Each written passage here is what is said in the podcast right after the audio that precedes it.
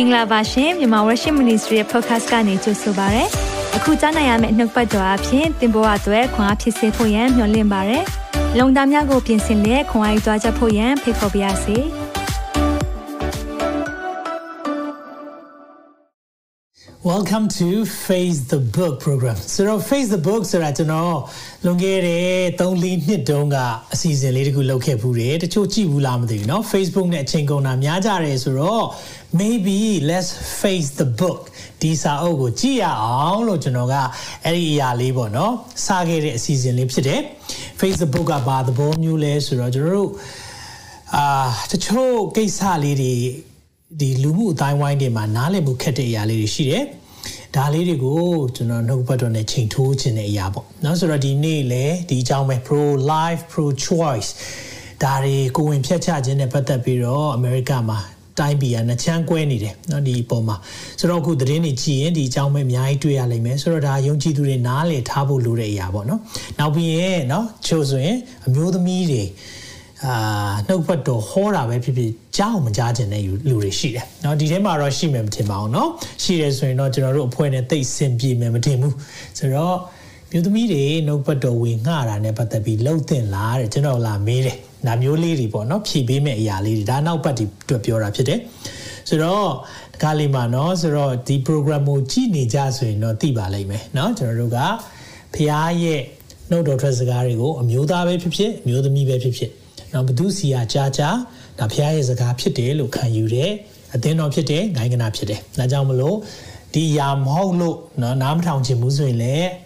ကျေးဇူးတင်တယ်ဒါပေမဲ့ဒါကကျွန်တော်တို့ရဲ့ယက်တီချက်နဲ့ခံယူချက်ဖြစ်တယ်တမန်ကျမ်းစာနဲ့လည်းချိန်ထုံးမယ်နော်ဆိုတော့ဒါနောက်ပိုင်းကျရင်ဒီຢာတွေလည်းအများကြီးပြောသွားဖို့ရှိတယ်ဆိုတော့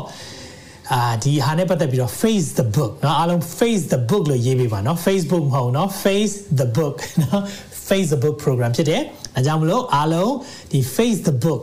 let's face this book the book ဒီစာအုပ်ကြည့်ပြီးတော့ကျွန်တော်တို့တွေ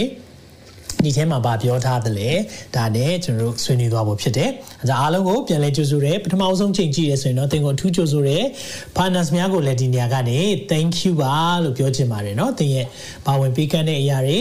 သင်ရဲ့ဆုတောင်းပေးတဲ့အရာတွေ အင်မတန်မှအကျိုးဖြစ်တယ်တတိခံခြင်းနဲ့လည်းပါဝင်တယ်ခွန်အားပေးတယ်အင်မတန်မှကျွန်တော်တို့အတွက်အကျိုးဖြစ်တယ်ဒါကြောင့်အားလုံးကိုပြန်လည်ပြီးတော့ကြိုဆိုတယ် let's face the book amen ခဏလောက်စက္ကန့်နဲ့ရအောင်သက်ရှင်တော်ဖခင်နာမတော်ကိုချီးမွမ်းနေကိုရပို့ဆောင်ခြင်းလမ်းပြခြင်းအတွက်ကျေးဇူးတင်တယ်ဒီနေ့ဒီ program ကိုပြန်လည်ပြီးတော့တင်ဆက်ရလို့ကျေးဇူးတင်တယ်ဒီအရာတွေကိုဆွေးနွေးတဲ့အခါမှာကိုရောကိုရောရဲ့ တန်ရှင်းသောဝိညာဉ်တော်ဖခင်အတူပါရှိပါကျွန်တော်တို့လက်ရှိဖြစ်ပွားနေတဲ့အခြေအနေတွေကိုကျွန်တော်တို့တမန်ကျမ်းစာနဲ့ချိန်ထိုးတတ်ပါမိကြောင်းဝိညာဉ်တော်ဖခင်မားစာလေးကောင်းချီးပေးပါအစီအစဉ်အနောက်ရှက်ဖြစ်စေမဲ့ဝိညာဉ်ဆိုးရဲ့လောက်ရစိတ်အနောက်ရှက်ဖြစ်မဲ့အရာဆက်ပစ္စည်းအနောက်ရှက်မိအနောက်ရှက်အရာအားလုံးအနောက်ရှက်တွေကိုယေရှုနာမ၌ဖယ်ပါတယ်တန်ရှင်းသောဝိညာဉ်တော်ဖခင်ကျွန်တော်တို့ကိုစကားပြောပါသွန်သင်ပေးပါသခင်ယေရှုရဲ့မြတ်သောနာမ၌စက္ကန့်နဲ့ဆုတောင်းပါ၏အာမင်အာမင် ဒီနေ့တော့ကျွန်တော်ဘာကြောင့်ပြောချင်လဲဆိုတော့ Facebook နဲ့ပတ်သက်ပြီးတော့နည်းနည်းပြောပြချင်တယ်ဆိုတော့အမေးများတဲ့မေးခွန်းလေးတွေအများကြီးရှိတယ်နော်ဆရာတချို့မေးခွန်းတွေလာမေးကြတယ်ဆရာဆေဘုဒ္ဓဖို့ပမာပေးရမှာလဲเนาะဆိုတော့ဆေဘုဒ္ဓဖို့နဲ့ပတ်သက်တဲ့သင်ကြားချက်ကိုကြည့်ဖို့လိုတယ်အဲ့ဒါတွေကြည့်ထားရဆိုရင်တော့အကုန်လုံးကျွန်တော်အဲ့ဒါတွေကိုသေးစိတ်ဖြေထားပေးတယ်เนาะတချို့ကမကြည့်ဘဲနဲ့မေးချင်တဲ့လူကမေးတာလည်းဖြစ်တယ် ဆိုတော့အဲ့ဒါမျိုးလေးတွေလည်းရှိတယ်။နောက်ခရီးရများရဲ့ apologetic ဆိုတာเนาะကျွန်တော်တို့အယုံကြည်ချက်နဲ့ပတ်သက်ပြီးတော့တစ်ခါလေမှာထွေပြားစေတဲ့အရာလေးတွေဥပမာဆိုရင်เนาะဆိုတော့ဒါဒါဥပမာပြောပြတာပေါ့เนาะမိုဟာမက်ကတမန်ကျမ်းစာထဲမှာပါတယ်လို့ပြောလာရင်ဟုတ်လားဆရာเนาะဆိုတော့ချုပ်လာမေးတယ်။ဆိုတော့ဒါမျိုးလေးတွေကျွန်တော်ဘယ်လိုမျိုးဖြေရှင်းမလဲเนาะနောက်ပြီးတော့ဟို Christian education ပေါ့เนาะကျွန်တော်တို့ အာတည်တဲ့အရာလေးတွေရှိတယ်။နောက် panel discussion ဆိုတော့ကျွန်တော်တခြားဆရာကြီးလည်းခေါ်မယ်နော်ဆရာကြီးတွေလည်းခေါ်မယ်။အပြင်ကျွန်တော်တို့ဒါတွေကိုဆွေးနွေးကြမယ့်အရာလေးတွေနောက် interview တွေ့ဆုံဆွေးနွေးခန်းတွေလည်းတနိုင်လောက်လုပ်ပေးသွားမယ်။ဆိုတော့အဓိကတော့ကျွန်တော်တို့လက်ရှိခေတ်စားနေတဲ့အရာလေးတွေပေါ့နော်။ဆိုတော့ဘာကြောင့်ဒါကိုလုပ်ရတာလဲဆိုရင်အားလုံးလိုက်ဆိုပြပါငါလူတို့ဒီပညာနည်းသောကြောင့်ဆုံးရှုံးကြ၏ပြောကြည့်ပါဦးငါလူတို့သည် ပညာနည်းသောကြောင့်ဆုံးရှုံးကြ၏ဟောရှေလေးငယ်6အစာပိုင်းမှာလို့ပြောထားတယ်ငါလူတို့လို့ပြောတဲ့အခါမှာယုံကြည်သူတွေကျွန်တော်ဖျားသားသမီးတွေပညာနည်းတယ်လို့ပြောတဲ့အခါမှာပညာမတတ်ဘူးပြောတာမဟုတ်တမာ သတိမရှိတာကိုပြောတာဖြစ်တယ်ဓမ္မပညာနေတာကိုပြောတာဖြစ်တယ်ဒါကြောင့်မလို့ဆုံးရှုံးမှုတွေမဖြစ်တဲ့အရာတွေအများကြီးဖြစ်တယ်ဒါတွေကိုကျွန်တော်တို့မဖြစ်စေချင်တဲ့အတွက်ဒီလိုမျိုး Facebook အစီအစဉ်ကိုပြောပြတာဖြစ်တယ်ဆိုတော့နည်းနည်းလေးပေါ့နော်ကျွန်တော်တို့အာဓမ္မပညာနဲ့ပတ်သက်ပြီးတော့သင်ကြားပေးခြင်းတဲ့အရာလေးတွေရှိတယ်ဆိုတော့ဒီနေ့မှာတော့ episode 1ပေါ့နော်ကျွန်တော်အများကြီးသွားမှာဖြစ်တဲ့အတွက်ကြောင့်001နဲ့စထားတယ် pro life နဲ့ pro choice ဆိုတာအသက်ကိုရွေးခြင်းနဲ့လောက်ပိုင်ခွင့်ကိုရွေးခြင်းဆိုတော့ America မှာပဲဖြစ်ဖြစ်အနောက်နိုင်ငံတွေမှာဒီအရာနှစ်ပိုင်းတိုင်းပြည်တွေကနော်အယူဆနှမျိုးကွဲနေတယ် pro life လို့ဆိုတဲ့အဖွဲ့ရှိတယ်အဲ့အဖွဲ့ကပါလဲဆိုတော့ကလေးငယ်တွေကိုသတိထားဖြတ်ချတာ မကောင်းဘူးဒါဟာလူသက်မှုဖြစ်တယ်အသက်ကိုရွေးပါဆိုတဲ့အဖွဲ့ရှိတယ်နောက်တစ်ဖွဲ့ကတော့ဒါအမျိုးသမီးတွေအခွင့်အရေးပဲငါတို့ body ငါတို့ရဲ့ရွေးချယ်မှုငါတို့ကိုယ်ခန္ဓာငါတို့ရွေးချယ်မှု my body my choice ဆိုပြီးတော့လောက်ပိုင်ခွင့်ငါတို့ရဲ့အမျိုးသမီးလောက်ပိုင်ခွင့်ဆိုပြီးတော့နှစ်ချမ်းကွဲနေတယ်ဆိုတော့ဒီရက်ပိုင်းလေးမှာအမေရိကမှာ holy တကြောဖြစ်တဲ့ကိစ္စလေးကိုကျွန်တော်ဒါလေးကိုပြောပြသွားမယ်ဆိုတော့ pro life versus ဆိုတာတော့ pro life နဲ့အသက်ကိုရွေးခြင်းနဲ့လောက်ပိုင်ခွင့် ရွေးခြင်းထိတ်တိုက်တွေ့တာပေါ့နော်ဆိုတော့ဒီနေ့အဲ့ဒါလေးကိုပြောသွားမယ်ဆိုတော့သတင်းထဲမှာကျွန်တော်ဘာတွေ့ရမလဲဆိုတော့အခုအမေရိကလူတွေတော်တော်များများဒီသတင်းကနော်အမြဲတမ်းကြားနေရလိမ့်မယ်ကျွန်တော်စီမှာဆိုလည်းခဏခဏလာတယ်ဆိုတော့ဘာဖြစ်လဲဆိုတော့ပြီးခဲ့တဲ့ရက်ပိုင်းတွင်မှာဒါတရားရုံးချုပ်အမေရိကရဲ့အမြင့်ဆုံးတရားရုံးအဲ့ဒီမှာတရားသူကြီး9ယောက်ရှိတဲ့အဖွဲ့ပေါ့နော်ဆိုတော့အဲ့ဒီမှာသူတို့ကသူတို့ရဲ့ဒီအတွင်းရေးကိစ္စတခုပေါ့နော်သူတို့ရဲ့ထင်မြင်ယူဆချက် မူချမ်းလေးကပေါက်ကြားသွားတယ်ဆိုတော့ဘယ်လိုပေါက်ကြားသွားလဲเนาะဘာဖြစ်သွားလဲတော့မသိဘူးဒါပေမဲ့အဲ့ဒါကပေါက်ကြားသွားတဲ့အခါမှာဘာဖြစ်လဲဆိုတော့အဲ့လိုပေါက်ကြားတဲ့နောက်ပိုင်းမှာတိုင်းပြည်ထဲမှာဆန္ဒပြခြင်းတွေဖြစ်လာတယ်လူတွေကအာဒီကိစ္စနဲ့ပတ်သက်ပြီးတော့ အင်မတန်မှ emotion ဆိုတဲ့စိတ်ခံစားချက်တွေများပြီးတော့လောက်ကင်မှုတွေရှိလာတယ်ဆိုတော့ ဒီအရာလေးတွေဖြစ်လာတဲ့နောက်ပိုင်းမှာကျွန်တော်တို့ယုံကြည်သူတွေကနားလည်ဖို့လိုတယ်မဟုတ်ဘူးဆိုရင်အခုလူငယ်လေးတွေအထူးဖြစ်နော်ဒါ Gen Z တို့ဒီလူငယ်လေးတွေကမီဒီယာနဲ့ ကြီးလာတဲ့ခေတ်ဖြစ်တယ်ဆိုတော့မီဒီယာခေတ်မှာကြီးလာတော့မီဒီယာရဲ့လွှမ်းမိုးမှုကအင်မတန်မှကျွန်တော်ခံစားရတယ်နော်ဆိုတော့အခုကျွန်တော်လက်ထက်မှာဖုန်းတွေရှိကြတယ်အဲ့ဒီမှာသတင်းတွေတင်တဲ့ဟာတွေပေါ့နော်ဆိုတော့အဲ့ဒီသတင်းတွေရဲ့နောက်ွယ်မှာစာတန်ကလောက်ကင်မှုတွေအများကြီးရှိလာတဲ့အခါမှာကျွန်တော်တို့ကဒါကမှန်သလားမှားသလားဆိုတော့ကျွန်တော်တို့ကမဝေခွဲတတ်တော့ဖြစ်ချင်တော့လာတဲ့သတင်းကိုကသတင်းမှားတွေကြီးပဲလာတာများတယ် နော် fake news တွေလာတဲ့အရာတွေကသူတို့ရဲ့အထင်မြင်ယူဆချက်တွေနဲ့ပြောပြီးတော့လာတဲ့ခါမှာယုံကြည်သူသားသမီးတွေပင်လေနော်ဒါတွေကိုကြည့်တဲ့ခါမှာဟုတ်မှာပဲတမန်တရားကတော့ဘယ်လိုပြောထားလဲဆိုကျွန်တော်ကောင်းကောင်းနားမလည်ဘူးအဲ့ဒီခါမှာသတင်းကပြောတဲ့အရာတွေကကျွန်တော်တို့ကိုအယံလွှမ်းမိုးတယ်ဆိုတော့ဒါကြောင့်ပညာရှိနော်ကဲ့သို့စူးစမ်းပေမဲ့တဲ့ပညာမဲ့တဲ့သူတွေဖြစ်လာတယ်လို့ယောမထဲမှာပြောထားတယ် ဆိုတော့ကျွန်တော်တို့တွေကနောက်ဆုံးသောကာလမှာဒါ information ခစ်ပဲနော် information ဖြစ်ဖြစ်ပဲဖြစ်တဲ့ခါမှာဒိုင်လာနာဂက်တီချန်နေမှာဆိုရင်ခရီးတွေသွားကြမယ်နော်နောက်ဆုံးသောကာလမှာပညာတွေက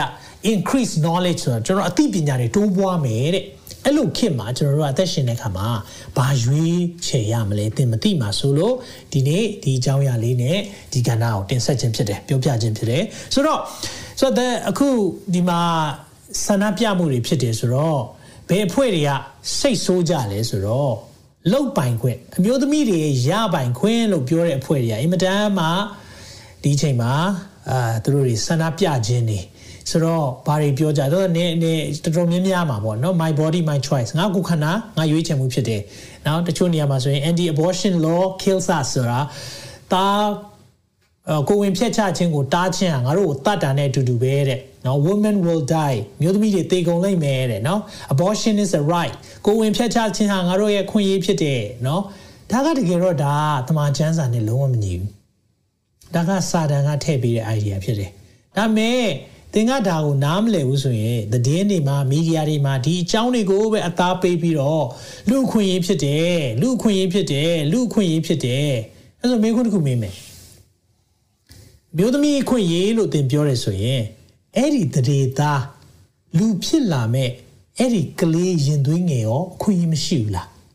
အဲ့ဒီကလေးလေးရောအသက်ရှင်ဖို့ရန်အခွင့်အရေးမရှိဘူးလားသူမှာဆိုတော့လူခွင့်ရေးလူခွင့်ရေးကျွန်တော်ပြောပြောနေတဲ့အခါမှာတကယ်တော့လူခွင့်ရေးမဟုတ်ဘူးကျွန်တော်တို့ကကိုယ့်ရဲ့လုတ်ပိုင်ခွင့်ကိုကြိုက်တာလုတ်မယ်ငါသဘောပဲဆိုတဲ့အရာကိုရှေ့တန်းတင်ချင်တာဒါကြောင့်ဒါကပြဿနာဖြစ်နေတာ သင်တော်တွေထဲမှာလည်းတွေ့တယ်တချို့တွေတွေ့တယ် I'm a pro choice Christian ဆိုတော့သိစင်မပြေဘူးတမန်တရားကိုမသိတဲ့ခါမှာဒါရပိုင်ခွင့်ပဲလေလုတ်ပိုင်ခွင့်ပဲဒါကြောင့်เนาะဒီရင်သွေးငယ်လေးဟာလေသူ့မှာအခွင့်အရေးရှိတယ်သူဟာဖယားရဲ့အခွင့်နဲ့မွေးလာတဲ့သူဖြစ်တယ်လောကမှာသူအသက်ရှင်ဖို့เนาะဒါကိုကျွန်တော်နှုတ်ဖတ်တော်နဲ့လည်းချိန်ထိုးမယ်ဆိုတော့ဒီအဖွဲ့တွေကစိတ်ဆိုးတယ်ဘာကြောင့်လဲလို့ပြောတဲ့အခါမှာ ကိစ္စတခုပေါ်လာတယ်1983ပြောကြည့်ပါဦး1983နော်သူတို့လေမွေးသေးဘူးကျွန်တော်တို့လည်းမွေးသေးဘူး83ခုနှစ်တုန်းကကိစ္စတခုဖြစ်သွားတယ်အမေရိကန်မှာအဲ့ဒါဘာကိစ္စလဲဆိုတော့ row နဲ့ weight နဲ့အမှုရှင်ပြိုင်တာနော်ဆိုတော့ row နဲ့ weight ကဘာတူလဲဆိုတော့တကယ်တော့သူ့နာမည်က Norma McCovey လို့ခေါ်တယ်ဆိုတော့ McCovey ကသူ့နာမည်ကအရင်ကိုဒါနာမည်အရင်ပေါ့ဒါပေမဲ့သူ့ကို Jane Roe လို့ပဲသိကြတယ်ဆိုတော့နာမည်အရင်မဟုတ်ပဲနဲ့ဒီတရားစီရင်မှုကိစ္စမှာတော့ဘာဖြစ်လဲဆိုတော့နောက်သူအကြောင်းလေးကိုနည်းနည်းပြောပြမယ်ဒီမျိုးသမီးအကြောင်းကိုပြောပြမယ်စိတ်ဝင်စားဖို့သိကောင်းတယ်ဆိုတော့အသက်22နှစ်လောက်မှာသူကသားသမီး3ယောက်လောက်ရှိနေပြီဆိုတော့သူကသားသမီးတွေကိုမကြည့်နိုင်ဘူးအလုပ်လည်းမရှိဘူးအာလက်ထပ်ထားတာလည်းမဟုတ်ဘူးလူကလေးရတဲ့ခါမှာသူကဒီကလေးကိုမကြည့်နိုင်တဲ့ခါမှာသူကနောက်ဆုံးတော့တတိယမြောက်ကိုဝင်ရှိလာတဲ့ခါမှာသူကကိုဝင်ဖျက်ချခြင်းတယ်ဖျက်ချခြင်းတော့သူကဖြစ်ခြင်းတော့ Texas ပြည်နယ်မှာနေတော့အဲ့ဒီပြည်နယ်ရဲ့ဥပဒေကကိုဝင်ဖြစ်ချဝင်မပေးဘူးဆိုတော့သူကအမျိုးမျိုးကြံစီတာပေါ့သူမရင်းချင်းခံရတာပါအလူမဲတွေကသူ့မရင်းချင်းပါတယ်စသဖြင့်သူကအဲ့လိုမျိုးလီဆယ်ပြီးတော့အမှုကိစ္စဆင်ဆင်ပြီးတော့သူကစူးစမ်းတယ်အဆင်မပြေဘူးစင်မပြေတဲ့ခါမှာသူ့ကိုကူညီတဲ့ရှေ့နေနှစ်ယောက်ရှိတယ်เนาะအပေါ်ကအမျိုးသမီးနှစ်ယောက်เนาะဆာရာ Weddington နဲ့ Linda Coffee ဆိုတော့အဲ့ဒီအမျိုးသမီးနှစ်ယောက်ကကူညီပေးတယ်။ဘာကူညီပေးလဲဆိုတော့သူကရှေ့နေတွေလိုက်ပေးတာပေါ့နော်။အာဒီအမျိုးသမီးကသူ့အခွင့်အရေးရတဲ့နဲ့သူကိုဝင်ဖြတ်ချခြင်းတဲ့ဥစ္စာဒါအခွင့်အရေးပေးတဲ့နဲ့ဆိုပြီးတော့တရားရုံးချုပ်အထိရောက်သွားတယ်။ဆိုတော့ Texas ပြည်နယ်မှာအဲ့ဒီတော့ပြည်နယ်အစိုးရရှေ့နေပေါ့နော်။အစိုးရရှေ့နေဆိုရင်အားလုံးပိုနားလည်လိမ့်မယ်။ပြည်နယ်အစိုးရရှေ့နေကအဲ့ဒီမှာ Henry Wade ဆိုတဲ့ပုဂ္ဂိုလ်အဲ့ကအမျိုးသားပေါ့နော်အဲ့ဒီဆိုတော့သူတို့နှစ်ယောက်က အမှုရင်ဆိုင်တဲ့အခါမှာ1983ခုနှစ်မှာဘာဖြစ်အဲ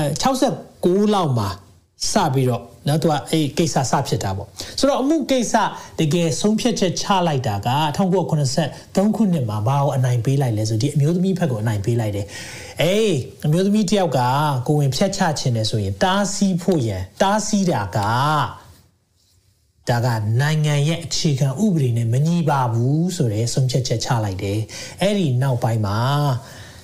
ဒီသားကိုဝင်ဖြတ်ချခြင်းဟာဥပဒေဖြစ်သွားတယ်။နော်ဖြတ်ချခွင့်ရှိသွားတယ်အမေရိကမှာ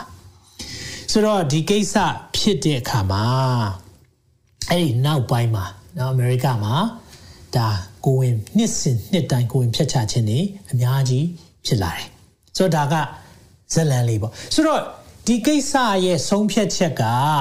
အရင်တော့ဆုံးဖြတ်ထားတာ1983ကဆုံးဖြတ်ထားတာနှစ်ပေါင်း90လောက်ရှိပြီเนาะဆိုတော့ဒီဆုံးဖြတ်ချက်ကြီးကိုပြန်ပြီးတော့သူတို့ကပြန်ကြည့်ပြီးတော့အခုတရားရုံးချုပ်ကအဲ့တော့ငါတို့ဆုံးဖြတ်ချက်ချတဲ့အရာပြန်ပြောင်းရင်ကောင်းမယ်ဆိုပြီးတော့သူတို့ဆွေးနွေးတဲ့နော်ဒီမူချမ်းလေးနော်ဆိုတော့ဒါဘယ်လိုရေးထားလဲဆိုတော့ American ပြည်ထောင်စုမှာမျိုးသမီးတွေတရေသားပြစ်ချခွင့်ဥပဒေကို Federal ဥပဒေအဖြစ်ပြဋ္ဌာန်းဖို့ပေါ့နော်ဆိုတော့ တရားအထက်လွှတ်တော်မှာတဲ့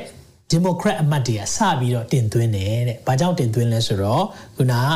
ဒီသဘောထားမူချမ်းပေါ့နော်။တရားရုံးချုပ်ကငါတို့83ခုနှစ်ကဆွေးနွေးခဲ့တဲ့အရာကပြန်ပြီးတော့အဲ့ဒီအဖြေအဲ့ဒီဥစ္စာကိုပြန်ပြောင်းမယ်။ပြည်နယ်တွေကအမေရိကမှာရှိတဲ့ပြည်နယ်တွေကကိုယ်ပိုင်ပြဋ္ဌာန်းလို့ရတယ်ပေါ့နော်။သဘောမှာ Texas ဆိုရင်လည်းသူ့သဘောပဲเนาะဆိုတော့ဆိုတော့ဘယ်ပြည်နယ်ဖြစ်ဖြစ် ဒါကပြည်နယ်နဲ့ပဲဆိုင်တယ်နားလည်နိုင်မလားမသိဘူးเนาะဆိုတော့တရားရုံးချုပ်နဲ့မဆိုင်ဘူးဒါနိုင်ငံရဲ့အခြေခံဥပဒေထဲမှာမရှိသင့်ဘူးပြည်နယ်ကပဲဆုံးဖြတ်ပါစေဆိုပြီးတော့အဲ့လိုမျိုးသူတို့ကပြောမဲ့ကိစ္စကဒီရက်ပိုင်းမှာပေါက်ကြားတဲ့ခါမှာအင်မတန်မှစိတ်ဆိုးဒေါသထွက်ပြီးတော့အခုအားလုံးကဘာလုပ်ကြလဲဆိုတော့ဆန္ဒပြတာတွေလုပ်ကြတယ်เนาะဆိုတော့ဒီကိစ္စပေါ်လာတယ်ဆိုတော့ဒါမူချမ်းပဲရှိသေးတယ်သဘောထားเนาะပထမဆုံးသဘောထားပဲရှိသေးတယ်ဒါပေမဲ့ ဒီကိစ္စမှာအင်မတန်မှစာတန်ကဒေါကန်နေတယ်နော်စာတန်ကဒီအချိန်မှာအင်မတန်မှလောကထွက်နေတယ်ဘာကြောင့်လဲစာတန်ကဘာလုပ်လဲသူ့ရဲ့တာဝန်အရေး၃ပါးရှိတယ်ခိုးမယ်တတ်မယ်ဖြည့်စီမယ်ပြောကြည့်ပါခိုးမယ်တတ်မယ်ဖြည့်စီမယ်ခိုးမယ်တတ်မယ်ဖြည့်စီမယ်နော်တင်းရဲ့တင်းလူမဖြစ်ဖို့ तू ကလောက်ကျင်တယ်ဘာကြောင့်လဲတင်းလူဖြစ်လို့ဖះကိုတီးပြီးဖះကြံစီထဲမှာအသက်ရှင်သူ့နိုင်ငံအင်မတန်မှစိုးရင်စရာရှိတယ်ဒါကြောင့်တင့်ကိုငယ်ကလေးကရှင်းဖြစ်ချင်တာ အဲ့လိုလှုပ်တဲ့စိတ်ထားနဲ့နေတဲ့သူဟာအခုချိန်မှာဒီလိုမျိုးเนาะကိုဝင်ဖြတ်ချခွင့်ကိုပိတ်ပင်တော့မယ်ပြည်နယ်တွေကဆုံးဖြတ်တော့မယ်လို့ပြောလာတဲ့အခါမှာအင်မတန်မှအခုချိန်မှာနိုင်ငံရေးမှာအခုအထူးဖြင့် Democratic Party တွေเนาะသမ္မတ Biden အကုန်လုံးကဒါကမျိုးသမီးခွင့်ရေးဖြစ်တယ်လုတ်ပေးတဲ့တယ်ဒါမျိုးသမီးခွင့်ရေးကိုချိုးဖောက်တာပါစသဖြင့်ပြောလာကုန်ပြီဆိုတော့ဒါကเนาะတမန်ကျမ်းစာရဲ့ အဲအခန်းကဏ္ဍလေးတစ်ခုလည်းပြည့်စုံတာဖြစ်တယ်။ဆိုတော့ယောမတစ်ထဲမှာဗာပြောထားလဲဆိုတော့ဆိုတော့18လောက်ကနေဖတ်မယ်ဆိုရင်တော့အဲ့ဒီမှာစပြီးတော့လောကမှာဖြစ်ပျက်နေတဲ့အရာလေးတွေကိုဘုရားပြောထားတယ်။အနေအငယ်20ကနေဖတ်ချင်ပါတယ်။ဘယ်သို့နည်းမူကဖန်ဆင်းတော်မူသောအရာများကိုထောက်ရှုသဖြင့်သာဝရတကူတော်နှင့်သာဝရအဖြစ်တော်တည်ဟုသော မျက်မြင်မရသောဘုရားသခင်အရာတို့သည်ကပါတီတိကာလမှာဆိုင်ထင်ရှားလက်ရှိထို့ကြောင့်သူတို့သည်အပြစ်ကိုမဖုံးနိုင်ရအကြောင်းမူကားထိုသူတို့၏ဘုရားသခင်ကိုသိလက်ပင်ဘုရားသခင်ကိုချီးမွမ်းသည့်ဒီတိုင်းချီးမွမ်းဂျေဇုတော်ကိုလည်းမသိမှန်အချီးနီးတွေးဆခြင်းသတိမရှိသောစိတ်လုံးမိုက်မဲခြင်းတို့ရောက်ကြ၏ပညာရှိရောင်ဆောင်လျက်လူမိုက်အရာ၌တည်ကြသည်ဖြစ်၍မဖောက်ပြန်ဖြည့်ဆည်းနိုင်သောဖျား၏ဂုဏ်တော်ကိုပယ်လျက်ဖောက်ပြန်ဖြည့်ဆည်းသောလူတို့၏ရုပ်တုတားငှက်စတဲ့အဆရှိသော တွားတတ်သောတရိษံတို့ရုပ်တုတို့ကိုဖျားသခင်အရာ၌ချီးမြှောက်ကြ၏စဖြစ်လာပြီအဲ့ဒီမှာအငယ်20ခွန်ကျော်ဖတ်အဲ26ကိုဖတ်ချင်တယ်ထို့သောပြုသောကြောင့်ဘုရားသခင်ဒီသူတို့ကိုရှက်ကြောက်ဖွယ်သောကိလေသာလက်သို့အပ်လိုက်တော်မူ၏အဘယ်သို့နည်းမူကားမိမတို့သည်ပဂတိထုံးစံကိုစွန့်၍ပဂတိနှင့်စန့်ကျင်ဘက်ထုံးစံကိုလိုက်ကြ၏တဲ့ပဂတိထုံးစံကိုစွန့်ပြီးတော့ပဂတိထုံးစံနဲ့စန့်ကျင်တဲ့အရာကိုလိုက်ပြီး ထို့အတူယောက်ျားတို့သည်လည်းမိန်းမနှင့်ဆက်ဆံခြင်းပဂတိထုံးစံကိုစွန့်၍အချင်းချင်းကိလေသာစိတ်ပူလောင်သဖြင့်ရှက်ကြပွေသောအမှုကိုယောက်ျားချင်းပြုလျက်မိမိတို့မှားယွင်းခြင်းနဲ့အလျောက်မိမိတို့အပြစ်ဒဏ်ကိုခံရကြ၏ဆိုတော့ main ကလေးတွေပဂတိထုံးစံအောင်စွန့်ပြီးတဲ့ယောက်ျားတွေလည်းပဂတိထုံးစံအောင်စွန့်တဲ့ခေတ်ကာလကြီးရောက်တဲ့အခါမှာဖခင်ကသူတို့ရဲ့စိတ်နှလုံးသားအတိုင်းရွေးချယ်ခွင့်ပေးလိုက်တယ်တဲ့ဆိုတော့ဒါကဒီခေတ်မှာအရန်ကိုဖြစ်ပျက်နေတာဒါကြောင့် လိန်တူချင်းကြိုက်တာလိန်တူချင်းเนาะချစ်ခင်တာဒါကလက်ထပ်ခွင့်ပေးပါစသဖြင့်ဒါတွေတောင်းဆိုလာတဲ့အရာတွေကတမန်ကျမ်းစာနဲ့တဖြည်းဖြည်းဆန့်ကျင်လာတဲ့အရာတွေဖြစ်တယ်ဒါကနောက်ဆုံးသောကာလမှာတွေ့ရမယ်ဆိုင်းလေးတွေဖြစ်တယ်။ဒါကြောင့်မလို့ဒီအရာတွေမြင်တွေ့တဲ့အခါမှာမအံ့ဩပါနဲ့။ဒါပေမဲ့အံ့ဩမှုကောင်းတာတစ်ခုလေးကပါလဲဆိုတော့1983ခုနှစ်ကလေးကဆုံးဖြတ်ချက်ချထားတဲ့အရာလေးတခုကျွန်တော်ပြောနိုင်တာတခုရှိတယ်။ အဲ့ဒီကိုဝင်ဖြတ်ချခွင့်ကိုတယဝင်တတ်မှတ်ကလေးကဖះဟာအမေရိကကိုအင်မတန်မှစိတ်ပြက်မိမယ်။အင်မတန်ဝမ်းနည်းမယ်ဆိုတာကိုသိနိုင်တယ်ဒါပေမဲ့အခုကဝမ်းမြောက်စရာတစ်ခုကဒီကိစ္စသာအတီးဖြစ်လာမယ်ဆိုရင်အင်မတန်မှကောင်းတဲ့အချက်ဖြစ်တယ်နော်တချို့တွေကတော့မကြိုက်ဘူးအထူးဖြင့်ကိလေသာလွန်ကျူးခြင်းတဲ့သူတွေမတရားသောမိထုံပျော်ခြင်းတဲ့သူတွေ တမန်ကျမ်းစာကိုမသိတဲ့သူတွေကတော့အင်မတန်မှသူတို့အတွက်ဝမ်းနေပဲဒါကြောင့်လဲစာတန်ကအင်မတန်မှအလုံးလုံးမဲ့ကာလဖြစ်တယ်ပြီးရင်ကျွန်တော်ဘာဖြစ်လာနိုင်လဲဆိုတာကိုရှိပြီးရှိမှဆက်ပြီးတော့ပြောသွားမယ်ဒီကိစ္စဖြစ်တဲ့အရာအခုပြောင်းခြင်းတယ်ဆိုတော့အခု1983ခုနှစ်ကတည်းကကိုဝင်ဖြတ်ချပြီးတော့ဘယ်နှစ်ယောက်ထိကလေးတွေတည်သွားပြီလဲဆိုရင်60နဲ့မှ3တန်း63တန်းကလေးတွေနော် ကလေးငယ်ပေါင်း63တန်းတည်ပြီးသွားပြီတဲ့85ကနေတဲ့2020ထဲမှာဆိုရင်တစ်နှစ်ကိုတသန်းလောက်တည်တာကလေးတွေဖြစ်ချပလိုက်တယ်နော်မကြိုက်ဘူးမကျွေးနိုင်ဘူးဟောဒါမှမဟုတ်ငါတို့ plan ထားတာမဟုတ်ဘူးငါတို့အစီအစဉ်မရှိဘဲနဲ့ဖြစ်ရသွားလို့အကြောင်းမျိုးမျိုးဘာမှအကြောင်းပြချက်ပြစရာမလိုဘူး။အဲဒီဒီကလေးကိုမလိုချင်ဘူးဆိုရင်အခုစေခန်းတွေကလုတ်ပေးတဲ့အရာတွေရှိနေတယ်။ဆိုတော့ဒါတွေကို တမန်ကျမ်းစာတည်တဲ့သူတွေတမန်ကျမ်းစာတည်တဲ့နိုင်ငံတွေကအင်မတန်မှဝန်းနေကြတယ်။အဲကြောင့်ဒီຢာလေးတွေဖြစ်လာတဲ့အခါမှာတင်ပါလို့တင်တယ်တမန်ကျမ်းစာနဲ့လည်းကျွန်တော်ကြည့်အောင်။ဆိုတော့ဆာလံ130 139ခုမြောက်သောစာလမှာဒီလိုပြောတယ်အငယ်73မှာကြည့်ပါဦးကိုရောဒီအကျွန်ုပ်ဤကြောက်ကပ်ကိုပင်ဖန်ဆင်း၍အမိဝမ်းထဲမှအကျွန်ုပ်ကို ဖုံးအုပ်တော်မူပြီးဘိုက်ထဲကလေးကဖုံးအုပ်ထားပြီးသားတဲ့ဒါဖယားက ကျွန်တော်တို့အမိဝမ်းထဲမှာရှိတဲ့အချိန်ကလေးကကျွန်တော်တို့ကိုသိတာနော်ဖန်ဆင်းထားတယ်တဲ့ပြီးရင်အငယ်ဆက်လေးမှာကျွန်ုပ်ဒီကြောက်မက်ဖွယ်သောလက္ခဏာထူးဆန်းသောလက္ခဏာတို့နဲ့ပြည့်စုံသည့်ဖြစ်ကိုရော့ကိုချီးမွမ်းပါမည်ဖះကိုချီးမွမ်းဖို့မကြိုက်ဘူးမကြိုက်တော့ဒီကိစ္စတွေစာတန်ထည့်ပေးတယ်ပြုတ်ပြင်တော်မူသောအမှုတို့သည်အံ့ဩဖွယ်ဖြစ်ကြောင်းဖြစ်ကြောင်းကိုကျွန်ုပ်တို့၏စိတ်ဝိညာဉ်နဲ့အမှန်သိပါ၏ဒါကိုရောပဲလောက်တာအံ့ဩဖွယ်ကိစ္စတွေ မထင်ရှားသောအရာ၌ကျွန်ုပ်ကိုဖန်ဆင်း၍ဆိုတော့မမြင်ရသေးတဲ့အချိန်ကလေးကကိုအမိဝမ်းထဲမှာမထင်မရှားလေးရှိတဲ့အချိန်ကလေးအောင်ကျွန်ုပ်ကိုဖန်ဆင်းရင်မြေကြီးအောက်အရင်၌စိစက်စွာပြုတ်ပြတော်မူသောအခါကျွန်ုပ်ကိုခန္ဓာသည်ရှေ့တော်၌ထင်ရှားလျက်ရှိပါတယ်တဖြည်းဖြည်းဖြစ်လာတာဒါကြောင့်ကိုလာလေဆယ်လဖွာတဖြည်းဖြည်းဖြစ်လာတာဆက်ကြည့်အောင်ငယ်16မဆုံလင်သေးတော့ကျွန်ုပ်ရဲ့အလုံးထွေးတဲ့ကျွန် embryo ဆိုတာနော်တတိသားလေး ကြည့်လိုက်ရင်ပဲစီလေးနဲ့တူတယ်အဲ့လိုမျိုးလေးပဲမစုံလင်တဲ့ကျွန်ုပ်ရဲ့အလုံးထွေးကိုလည်းကိုရော်ဒီကြီးရှုရဲ့မြင်တော်မူပြီးထိုအရာတို့ကိုပြုပြင်တစုံတစ်ခုမျှမရှိမီကာလတွင်ကျွန်ုပ်၏စင်၌ကိုရော့၏စင် sorry ကိုရော့၏စင်၌အကုန်စင်မှတ်သားလျက်ရှိပြောကြည့်ပါဦးကိုရော့၏စင်၌အကုန်စင်မှတ်သားထားတယ်အဲ့ဒီငငယ်လေးကလေးကတိတ်တိတ်လေးအလုံးထွေးလေးကလေးကမှတ်သားထားတယ်အဲကြောင့်မလို့ဒီအရာကို ဖြတ်ပလိုက်မယ်ဒါကိုတတ်ပလိုက်မယ်ဆိုတော့ဒါဖရားရဲ့အကြံစီနဲ့ဖရားရဲ့ဖန်ဆင်းခြင်းကိုမထီမဲ့မြင်ပြုတာဖြစ်တယ်အဲကြောင့်ယုံကြည်သူခရိယန်ဖြစ်တယ်ဆိုရင်ဒီဟာကလုံးဝအမျိုးသမီး right ဆိုပြီးတော့လုပ်ဖို့မဟုတ်ဘူးတချို့တွေမကြိုက်ဘူးချို့ဒါပြောတဲ့ခါမှာဒါက no တင်တမချမ်းဆောင်သိချာမသိလို့အကြံရဲ့ဒါနိုင်ငံရေးတွေမပြောပါနဲ့နော်နိုင်ငံရေးမဟုတ်ဘူးတမတရားဒီမှာပြောထားပြီးပြီထိုဖျားသခင်ကျွန်ုပ်ရဲ့ ကျွန်ုပ်နိုင်ကိုရောရဲ့အကြံစီတို့သည်အလွန်ထူးဆန်းကြပါ၏အလွန်များပြားပါ၏ကိုရောရဲ့အကြံစီတွေရှိတယ်သားသမီးပေါ်မှာဖခင်ရဲ့ကြံစီအလုံးထွေးတိတ်တိတ်လေးကလေးကဖခင်ကြံစီထားပြီးသားဘလောက်များလဲထိုကြံစီတော့ကိုရေတွက်ရင်သဲလုံးနဲ့အများမကတာ၍များပြားကြပါ၏သမုတ်တရားသဲလုံးတွေဘလောက်များလဲမြစ်ထဲကသဲလုံးတွေအဲ့ဒါတွေအားလုံးထက်ဖခင်ရဲ့ကြံစီပုံများတယ်ဟာလေလုယာ မိတ်ဆွေဝန်ခံပါတင့်ပေါ်မှာဖျားထားတဲ့အကြံစီကျွန်ုပ်ပေါ်ဖျားထားသောအကြံစီအလွန်များပြားသည်လို့ဝန်ခံပါအောင်ကျွန်ုပ်ပေါ်ဖျားထားသောအကြံစီအလွန်များပြားတာတင့်ကိုဖျားထားတဲ့အကြံစီရှိတယ်ဒါပေမဲ့စာတန်းဘာလုပ်ချင်လဲခိုးမယ်တတ်မယ်ဖြတ်စီးမယ်သူကဒါပဲလုပ်မှာဒါကြောင့်မလို့ဒီလိုလှုပ်ဖို့လူတွေကိုလည်းခေါင်းထဲမှာ idea တွေထည့်ပေးတယ်ပြောလိုက်ဒါ woman right ပဲအော်သိကောင်းတယ် baby right ကမရှိတော့ဘူးလား woman right ပဲပြောနေ baby right မရှိတော့ဘူးလားဒီကလေးရောသူ့မှာအခွင့်အရေးမရှိဘူးလားသူ့ကိုပိုတော်မှကြည့်ရှုရမှာမဟုတ်ဘူးလားဒါအောင်လေနားလည်စေချင်တယ်ဒါကြောင့်ဒီမှာကြည့်ပါအောင်ဆိုတော့အခုဒါတရားရုံးချုပ် Supreme Court လို့ခေါ်တယ်နော်အမေရိကန်မှာအမြင့်ဆုံးတရားရုံးပဲအဲ့ဒီရဲ့တရားရုံးမှာအာတရားသူကြီး9ယောက်ရှိတယ်အဲ့ထဲမှာအခု6ယောက်က majority ခေါ်တာပေါ့နော်6ယောက်က ဒီအမှုကိစ္စတွေကိုပြန်ပြီးတော့1983ဆုံးဖြတ်ချက်ကိုပြန်ပြောင်းခြင်းတယ်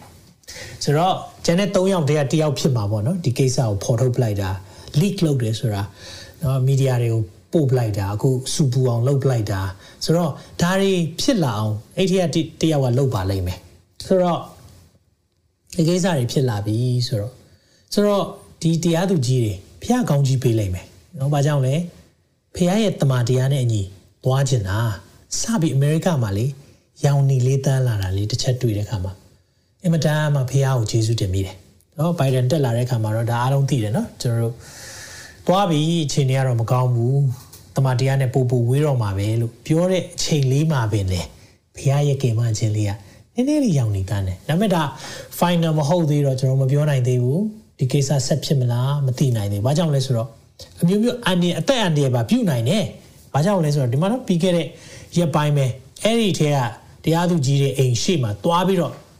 ဆန္ဒပြတာတွေနော်လှုပ်ပစ်ကြသေးတယ်။ဆိုတော့နော်ဒါမျိုးတွေကြီးတဲ့အခါမှာဒီတရားသူကြီးတွေကိုပဲနော်လူငှားပြီးတော့လူသက်သမားနဲ့လှုပ်မလားကျွန်တော်စိုးရိမ်စရာရှိတယ်ဆူတောင်းပေးဖို့လိုတယ်။ဆိုတော့ဒီတရားသူကြီးတွေဆုံးဖြတ်ချက်ကောင်းကောင်းမချနိုင်အောင်သူတို့ကအမျိုးမျိုးလုပ်မှာပဲ။နော်ဆိုတော့တမရကိုယ်တိုင်ကဟိုဘက်ပါနေပြီပေါ့နော်။ဆိုတော့သူတို့ရဲ့အဲဒါကြောင့်မလို့ သူတို့ကဘာလုပ်ချင်လဲဆိုဒီသူကမနိုင်မှန်းတည်တော့ဒီဟိုတရားသူကြီး6ယောက်ဘယ်မဟုတ်ဘဲနဲ့เนาะဘိုင်ဒန်ကဗာပြောလဲဆိုတရားသူကြီးတွေထပ်ထည့်ရအောင်လေဘာလို့ဆိုသူတို့ဘက်ပါမဲ့လူတွေပုံများလာအောင်သူကထည့်ချင်တာဆိုတော့ မဲခွဲဆုံးဖြတ်တဲ့အခါမှာเนาะငါးလေးတို့เนาะ majority ဆိုတာ9ယောက်ကနိုင်နေဆိုရင်နိုင်တာဟုတ်เนาะဆိုတော့ Trump ကအဲ့ဒီထဲမှာဒီเนาะတမန်တရားနဲ့သွားနိုင်တဲ့သူ3ယောက်ထည့်ထားတာ ဆိုတော့ဒီရဲ့အရာလေးတွေရဲ့အကျိုးလေးတွေလည်းအခုတွေ့ရတာဆိုတော့အခုဒီလိုကိစ္စတွေဖြစ်လာတယ် leak ဖြစ်လာတယ်ပေါက်ကြားတယ်တကဘာလုံးကစန္ဒပြနေပြီဆိုတော့သူတို့အပေါ်မှာလည်းကျွန်တော်ဆူတောင်းပေးဖို့လိုတယ်အချိန်ထဲမှာပဲပေါ့နော်ဒါနဲ့ပတ်သက်ပြီးတော့မေးခွန်းလေးတွေရှိတယ်ဆိုတော့ပြောလာပြီပေါ့နော်အကိုဝင်ဖြတ်ချတာကြီးကမကောင်းဆရာပြောတယ်ဒါဒါခရီးယန်ရဲ့အမြင်ပေါ့နော်ဆိုတော့ဥပမာဒီရဲ့ မျိုးသမီးတွေထဲမှာအဓမ္မကျင့်ကြံခံရလို့များကိုဝင်ရသွားခဲ့ရင်ရောနေစရာရှိတယ်နော် I'm glad you asked နော်ကျွန်တော်လဲတာတွေစဉ်းစားဖြစ်ပါတယ်ခေမျိုးသမီးတွေအဓမ္မကျင့်ရအခြေအနေဆိုဘာဖြစ်မလဲဆိုတော့ဒါနဲ့ပတ်သက်ပြီးတော့သူတို့စစ်တမ်းကောက်ထားတာရှိတယ်ဆိုတော့ကိုဝင်ဖြတ်ချတဲ့အခုခုန63သန်းလောက်မှာတဲ့နော်အခုအများကြီးရှိတယ်တိရာခိုင်နှုန်းလောက်ပဲတိရာခိုင်နှုန်းနော် less than 1%နဲ့တိရာခိုင်နှုန်းအောက်ပဲရှိတယ်တဲ့ အဲ့လောက်ပဲအဓမ္မပြုခြင်းချင်းနဲ့ဆက်ဆိုင်ပြီးတော့ဖြစ်သွားတာပါတဲ့နော်ဆိုတော့ less than 1%လို့ပြောတယ်ဆိုတော့ဒါကိုစဉ်းစားတဲ့အခါမှာတချို့တွေကပြောတာဟာဒီကိစ္စတွေဖြစ်လာခဲ့ရောဒါမျိုးသမီးမှာအကယ်၍တာမီရှိခဲ့တယ်ဆိုရင်လည်းမွေးစားလို့ရတာပဲเนาะမွေးစား adoption ဆိုတာเนาะမွေးစားချင်တဲ့မိဘတွေเนาะသားသမီးလိုချင်တဲ့မိဘတွေကဘာမှအများကြီးရှိတယ်ဆိုတော့သားသမီးမရနိုင်လို့စိတ်ပြက်နေတဲ့မိခင်တွေရှိတယ် အဲ့ဒီသူတွေအတွက်စဉ်းစားကြည့်လိုက်မယ်ဆိုရင်သူတို့မှာရောเนาะဒီလိုကလေးတွေကိုမွေးစားပိုင်ခွင့်မရှိဘူးလားเนาะဒါတွေဖြစ်လာတယ်ဆိုတော့ဓမျိုးလေးတွေကျွန်တော်တို့တွေ့ရတယ်နောက်နောက်မိကွန်းတစ်ခုကရှိလာတာဥမာမိခင်ရဲ့အသက်ကိုကယ်တင်ဖို့ကလေးကိုကိုဝင်ဖြတ်ချလိုက်ရတာဆိုရင်တော့မေးစရာရှိတဲ့ကမှာဒါလည်းခုနလိုပဲเนาะဒါဒါဒီမှာဒီရဲ့ reference တွေကျွန်တော်ထည့်ထားပေးတယ်အကယ်၍ဒီဟာကိုသေချာနားလဲနားလဲခြင်းတယ်ဆိုရင်အဲ့ဒီမှာတွားပြီးဖတ်ကြည့်လို့ရတယ်เนาะ article တွေအားလုံးဖတ်ကြည့်လို့ရတယ်ဆိုတော့မိခင်ရဲ့အသက်ကိုကယ်တင်ဖို့ဆိုရင်ရောဘာလုပ်မလဲလို့ပြောလာတဲ့အခါမှာဒါလည်းတိရာခိုင်နှုန်းအောက်ပဲရှိတယ်တဲ့။နော်ဆိုတော့မိခင်အသက်အနည်းရှိတော့မွေးခံနေမှာပေါ့နော်အသက်အနည်းရှိလွန်းလို့အဲ့ဒီကလေးကိုတတ်လိုက်ရပါတယ်နော်ဖြတ်ချလိုက်ရပါတယ်ဆိုတာမျိုးကမဖြစ်တော့ပဲတဲ့နော်ဒါစိတ်ပညာရှင်တွေပြောတာဖြစ်တယ်နော်ဆိုတော့ ဒါကြောင့်မလို့ကျွန်တော်တို့နားလည်ဖို့ကပါလဲယုံကြည်သူတွေနားလည်ဖို့ကပါလဲဆိုဒါကစာတန်ရဲ့လောက်ရက်တွေဖြစ်တယ်ဆိုတာသိဖို့လိုတယ်နော်ဆိုတော့အခုတမန်ကျမ်းစာထဲမှာလည်းကျွန်တော်တို့ဘာတွေပြောထားလဲကြည့်အောင်နော် my body my choice လို့ခံယူတဲ့သူတွေအတွက်ပြောပြချင်တယ် according to တစ်ကောခန်းကြီး6ငယ်ဆက်ခွန်မှာသခင်ဖျား၌မြည်ဝဲသောသူသည်ထိုသခင်နဲ့တစိတ်တဝိညာဉ်တည်းဖြစ်၏တဲ့ဆိုတော့ပြောချင်တဲ့သဘောကဘာလဲဆိုတော့ယုံကြည်သူမှန်တယ် ခရစ်တော်ကယ်ရီမာရှင်နဲ့ရှင်သခင်ဖြစ်လက်ခံတဲ့သူဖြစ်တယ်ဆိုရင်ဖျားနဲ့တစိတ်တည်း one ပဲတဲ့မတရားသောမိထုံကိုကျင့်ဆောင်ကြလောတဲ့အဲ့ဒါအဲ့ဒါတကယ်အရင်းမြစ်ကအဲ့ဒါမတရားသောမိထုံနော်လက်မထပ်ပဲနဲ့နေတာတို့နော်ကျွန်တော်နော်ဒါတွေလူငယ်တဘာဝတော့ဟုတ်လားအဲ့ဒါမျိုးတွေကနေပြဿနာဖြစ်တာအဓိကမတရားသောမိထုံလေဆိုတော့ဒီကိစ္စတွေကျွန်တော်အားလုံးကိုခြုံကြည့်တဲ့အခါမှာတကယ်တော့နိုင်ငံရေးလည်းမဟုတ်ဘူး ဘာသာရေးလည်းမဟုတ်ဘူးဘာမှသွားတွေ့လဲကိုးကွယ်ခြင်းမှပြဿနာရှိတယ်ဘုရားမသိဘူးဘုရားမကြောက်ဘူးလှုပ်ချင်တာလှုပ်တဲ့နောက်ွယ်မှာဖြစ်လာတဲ့ကိစ္စတွေဆိုတော့ဒီလိုလှုပ်ချင်တာကိုယ့်ရဲ့သဘောနဲ့เนาะဆိုတော့ဘုရားပြောထားပြီးသားလေနော်မတရားသောမိထုံမလုပ်ပါနဲ့ဆိုတော့လှုပ်လိုက်တဲ့အခါမှာဟာကိုဝင်ရှိသွားပြီမလှုပ်တော့မလဲရှင်းပြရမယ် အဲ့ဒီကနေစတာဒါကြောင့်ဘုရားကျွန်တော်တို့ပြောတာမတရားသောမိထုံကိုချင်းဆောင်ကြလောလူပြုတ်တတ်သောအခြားသူဆိုင်ရှိသမျှတို့ကိုလည်းကိုပြင်နိုင်ရှိမတရားသောမိထုံကိုပြုသောသူကမိမိကိုယ်ကိုပြစ်မှားတယ်တဲ့တရားသောမိထုံလောက်တာကိုကိုပြစ်မှားတယ်တူတူပဲဘယ်တော့နည်းသင်တို့ကိုခန္ဓာသည်ဘုရားသခင်ပေးတော်မူသောဝိညာဉ်တော်တည်သောသင်တို့အထင်၌ကျင်းဝတ်သောတန်ရှင်းသောဝိညာဉ်တော်ဤဗိမာန်ပြောကြည့်ပါတန်ရှင်းသောဝိညာဉ်တော်ဤဗိမာန် the temple of the holy spirit ဝိညာဉ်တော်ရဲ့ဗိမာန်ဖြစ်တာကို၎င်းတဲ့မိမိတို့ကိုမိမိမပိုင်ကြောင်း ပြောပါဦးမိမိကိုမိမိမပိုင်ဘူးလို့မပိုင်ဘူးနော်မသိဘူးလားတဲ့ကိုကိုမပိုင်ဘူးဆိုတော့မသိဘူးလားတဲ့ my body my choice ပြောတယ်တကယ်တော့အဲ့ဒါမသိလို့တဲ့တကယ်တော့ my body မဟုတ်ဘူးတဲ့ဘာမှပြောပြီးငယ်20မှာသင်တို့ဒီအဖိုးနဲ့ဝယ်တော်မူသောသူဖြစ်သောကြောင့်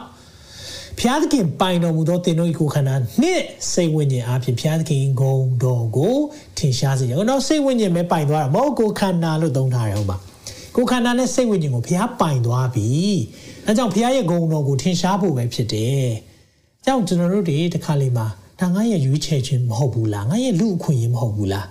။ကျွန်တော်လူခွင့်ရေးလူခွင့်ရေးလူခွင့်ရေးအရန်ပြောတဲ့နောက်ွယ်မှာအိမ်မတန်းမှာစာတန်ကကြိုးကင်ထားတယ်လောက်ကင်မှုတွေရှိတယ်။အဲကြောင့်ဒီမိုကရေစီစနစ်ကိုကျွန်တော်တို့ရအရန်ကြိုက်ကြဒီမိုကရေစီဒီမိုကရေစီပြောတယ်နော်။ဒါပေမဲ့ theocracy လောက်ဘာမှမပြည့်စုံ။ ဖះအုပ်ချုပ်ခြင်းလောက်မပြည့်စုံဘူး။ဒါလူလူအုပ်ချုပ်မှုပေါ့လူလူကကြိုက်တာရွေးမယ်လူလူဆိုလူများတဲ့ဘက်ကမြင်နိုင်တာပေါ့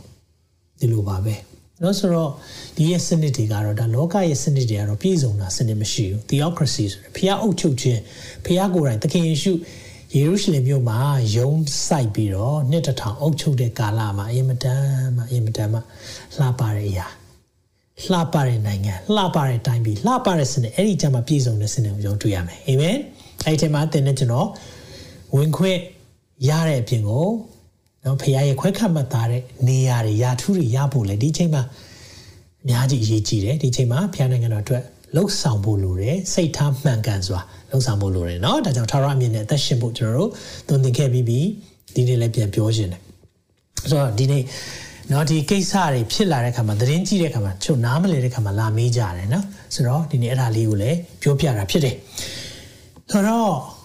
ကျွန်တော်တို့ကိုကျွန်တော်တို့မပိုင်ဘူးတဲ့ပြောထားပြီးဖျားပိုင်တာဒါကြောင့်ယုံကြည်သူမှန်သွားတယ်ဆိုရင်ငါ right ရှိတယ်ငါလှုပ်ချင်တာလုပ်မယ်ပြောခွင့်မရှိတော့ဘူးအဲကြောင့်ဘာပြောလဲလဝါကားတိုင်းကိုထမ်းပါတဲ့ငါနောက်လိုက်ပါဆို ready to die သိဖို့အစဉ်သင့်ပဲသခင်စေရာဖြစ်သွားပြီ အဲကြောင့်ကျွန်တော်တို့ငါ right ရှိတယ်ငါလှုပ်ချင်တာလုပ်မှာပေါ့ငါဖះသားဖြစ်သွားပြီပဲငါ့ကိုလာမပြောနဲ့မဟုတ်ဘူးဒီနေ့ဖះကကျွန်တော်တို့ကိုထာဝရအသက်ပေးတယ်အဲ့ဒီထာဝရအသက်ပေးတဲ့အတွက်ကျွန်တော်တို့ကကိုကိုကိုမပိုင်မဲနဲ့ဖះကိုအရာအလုံးအလိုက်တာလဲလိုက်တာထာဝရအသက်လိုချင်လားလိုချင်တယ်ဆိုရင်ကျွန်တော်တို့ခန္ဓာစိတ်ဝိညာဉ်အားလုံးဖះဘုန်းတော်ထင်ရှားဖို့ပေးလိုက်တာဖြစ်တယ်အာမင်ဆိုတော့ဒါလေးကိုကျွန်တော်တွေ့ရတယ်ဆိုတော့ဆက်ကြည့်ရအောင် ဆိုတော့ဒီကိစ္စအတီဖြစ်သွားခဲ့မယ်ဆိုရင်နော်အခုတရားရုံးမူကြမ်းထွက်လာပြီသူတို့ကတော့1983ဆုံးဖြတ်ချက်ကိုပြန်ပြောင်းခြင်းနဲ့ပြောင်းခဲ့မယ်တရားဝင်ပြောင်းလိုက်ပြီနော်ဒီမိုကရက်ပါတီပဲဖြစ်ဖြစ်တနိုင်ငံလုံးကစူပူချင်းဘလောက်လှုပ်လှုပ်ပြောင်းသွားပြီဆိုပါစို့နော်မပြောင်းသေးဘူးဒါဒီနှစ်ထဲမှာပြောင်းမယ်လို့သတင်းတွေထွက်တယ်။ဘာဖြစ်မလဲကျွန်တော်မသိဘူး။ဖျားလို့တော့ပဲဖြစ်တယ်။ပြောင်းခဲ့မယ်ဆိုရင်တဲ့